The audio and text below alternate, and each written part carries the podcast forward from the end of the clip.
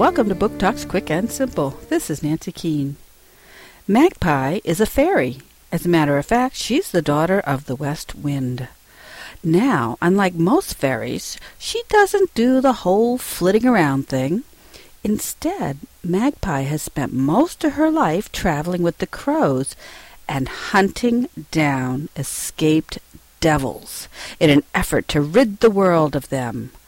But now a devil has been released by unaware and meddlesome humans, a devil that is greater than anything Magpie and the crows have ever faced before. The hunt for this beast will lead them back to Dreamdark, their original home, to the Creator, and to an understanding of Magpie's powers. Blackbringer by Laini Taylor, Putnam's 2007. Book Talk by the New Hampshire Isinglass Award Committee.